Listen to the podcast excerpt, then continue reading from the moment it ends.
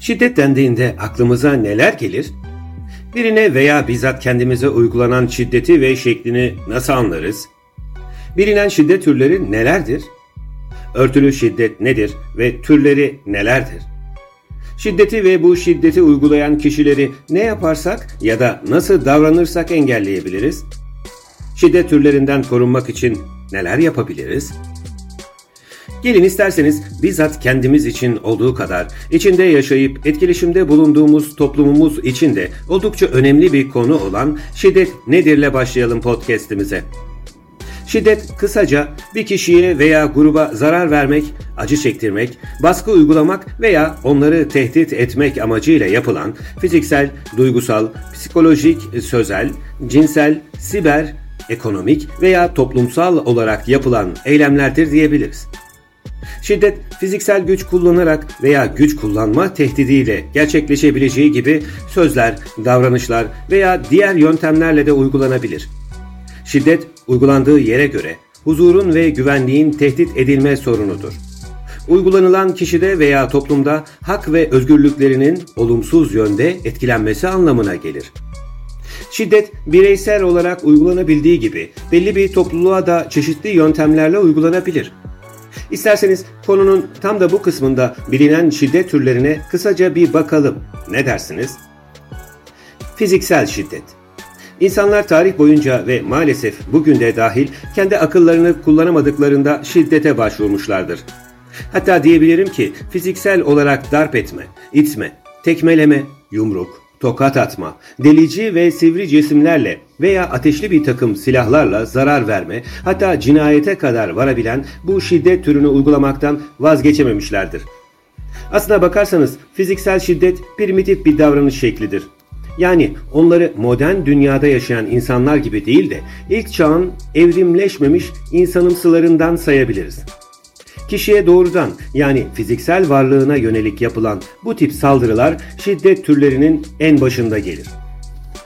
Sözel şiddet Konuşma eyleminin başladığı zamanlar aynı zamanda kelimelerin tılsımlı birer büyü olarak kabul edildiği zamanlardır. Hatta sihirbazların ağzından hiç düşürmediği abracadabra sözü çok eskiden hasta olanları iyileştirmek için söylenen şifalı ve tılsımlı sözlerdi. İşte bu yüzden insanlar sözlerin gücünü kullanarak kişinin duygusal ve psikolojik olarak incinmesine neden olabilmektedir. Hakaret etmek, küfür etmek, aşağılamak, sözel şiddete verilebilecek başlıca örnekler olarak gösterilebilir. Cinsel şiddet bu şiddet türünü aynı zamanda fiziksel şiddet olarak da görebiliriz. Birinin rızası olmadan baskı veya zorla yapılan her ilişki cinsel saldırı anlamına gelir. Duygusal şiddet Kişinin kendine güvenini, saygınlığını, özgürlüğünü ya da değerini zedelemeye yönelik yapılan eylemlerin bütünüdür. Tehdit etmek, aşağılamak, kısıtlamak, bir takım zayıflıklarla veya kusurlarla alaya almak, dalga geçmek, duygusal şiddete örnek olarak gösterilebilir. Kusur görene aittir diye çok güzel bir söz vardır. Gerçekte uygulanan duygusal şiddet, şiddeti uygulayanın ne kadar zayıf ve kompleksli olduğuna işaret eder. Ekonomik şiddet bir kişinin ekonomik özgürlüğünü kısıtlamaya yönelik yapılan eylemlerdir. Maddi bağımsızlığın elinden alınması, kişinin mali kaynaklara erişiminin engellenmesi gibi durumlar ekonomik şiddete örnek olarak verilebilir. Siber şiddet İnternet ve dijital platformlar aracılığıyla yapılan saldırılar, tehditler ve tacizlerdir. Siber zorbalık, kişisel verilerin kötü amaçlı kullanılması, izinsiz dağıtılması ve buna müsaade edilmesiyle dijital şiddete örnek olarak gösterilebilir. Toplumsal şiddet bir kişiyi veya belirli bir gruptaki insanları hedef alan toplumun bütününü etkileyen şiddet türüdür. Irkçılık, ayrımcılık, homofobik tutumlar gibi eylemler toplumsal şiddeti artırıcı örnekler olarak verilebilir. Gözle görülebilen şiddet türlerine kısaca baktıktan sonra gelin isterseniz biraz da gözle görülmeyen, dışarıdan öyle kolayca fark edilmeyen ancak uzun vadede ciddi tahribatları olan örtük şiddet türlerine bakalım. İzolasyon bir kişiyi sevdiklerinden, sosyal çevresinden izole etmek, onunla iletişimi kısıtlamak, aile ve arkadaşlarıyla görüşmesini engellemek örtülü şiddetin en önemlilerindendir. Kültürümüzde evlenen gelinin eline kına yakılırken söylenen bir türkü vardır. Yüksek yüksek tepelere ev kurmasınlar diye. İşte bu türkünün hikayesi izole bir insanın ne hale geldiğini ve sonunun oldukça kötü bittiği bir durumu anlatır. Şimdi bu türkünün hikayesini anlatarak canınızı sıkmayayım ama internete girip bakmanızı da çok isterim. Sadece şunu bilmenizi isterim ki izole olan birey zamanla destek sisteminden yalıtıldıkça kendini savunmasız ve güçsüz hisseder. Böylece bir şiddetin sadece psikolojik olarak değil, biyolojik olarak da ciddi etkileri olabilir.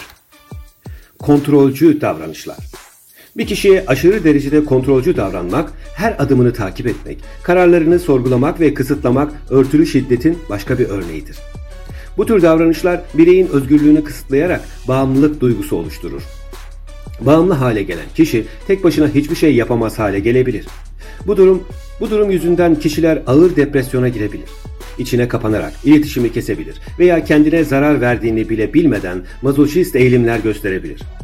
Yapacağı her şeyin söylenmesi veya her davranışın kontrolcü bir şekilde uyarılması bireyin sürekli bir mutsuzluğa girmesine sebep olur. Anhedonik bir yaşamın da sürdürülebilir olmadığı açıktır. Eleştiri ve aşağılama Sürekli eleştiri ve aşağılayıcı sözlerle bir kişinin özgüvenini zedelemek, kendine olan inancını azaltmak, örtülü şiddetin duygusal boyutuna verilebilecek önemli bir örnektir. Düşünsenize yaptığımız her eylem, söylediğimiz her kelimenin eleştiriliyor olması, her bir davranışa kulp takılarak aşağılayıcı bir tutumla ve kibirle yaklaşılması özgüvenimizi azaltarak kendimizin ne kadar değersiz olduğunu hissettirmez mi? Daha önce de söylemeye çalıştığım gibi kelimeler tılsımlı birer büyü gibidir. Dikkatli kullanmak gerekir. Tam tersi bir davranış bilinçli bir seçimdir ve bizzat kötülük alametlerindendir. Manipülasyon bir kişiyi aldatıcı veya yanıltıcı bilgilerle yönlendirmek, onun kararlarını etkilemek, düşüncelerini, davranışlarını taraflı olarak şekilde müdahale etmek örtülü şiddetin manipülatif bir yönüdür. Yol göstermek, rehberlik etmek gibi yalancı bir maskenin ardına saklanabilecek bu tür şiddet türü en az fark edilen şiddet türü olabilir. Günümüzde sadece bireyler arasında değil, siyasette, ekonomide, toplumsal olaylarda hatta bireysel seçimlerimizde bile kullanılan bu yönlendirmeci tutuma karşı dikkatli olunması gerekir. Sessizlik yemini ve görmezden gelme. Bir ilişki veya iletişim sürecinde bir kişinin diğer kişiyle aniden ve açıklama yapmadan iletişimi tamamen kesmesinin mağdur olan kişi üzerinde uyguladığı örtülü şiddet türüne bir örnektir. Ghosting olarak da bilinen bu şiddet türü uygulanan kişide duygusal gelgitlere, özgüvenin zedelenmesine, endişe ve yüksek strese, öfke ve kızgınlığa neden olabilir.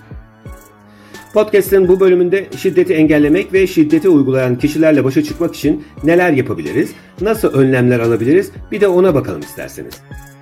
Şiddeti engellemek ve bu konudaki mağduriyeti gidermek için çeşitli stratejiler ve önlemler alabiliriz. Aynı şekilde şiddet türlerinden korunmak için de bilinçli ve proaktif adımlar atarak kendimizi ve çevremizdekileri bilinçlendirebiliriz. İşte şiddeti engellemek ve şiddet türlerinden korunmak için bazı önemli adımlar. Farkındalık ve eğitilme. Şiddetin farklı türleri hakkında bilgi sahibi olabilir ve bu konuya daha fazla farkındalık geliştirebiliriz. Eğitim ve bilgi şiddetin belirtilerini tanımamıza ve kendimizi korumamıza yardımcı olacak önemli bir unsurdur. Sağlıklı ilişkiler geliştirerek daha saygılı ve eşitlik temelli ilişkiler kurmaya özen göstermeliyiz. Hem romantik ilişkilerde hem de arkadaşlık ilişkilerinde duygusal destek ve anlayışın olduğu ilişkiler sağlamak şiddetten korunmada etkili bir yöntemdir. Sosyal destek ağları oluşturarak güvenilir arkadaşlar, aile üyeleri ve danışmanlık hizmetlerinden oluşan bir sosyal destek ağı oluşturulabilir. Şiddetle karşılaşıldığında başa çıkma konusunda yardım alınacak kişiler listesi yapabiliriz.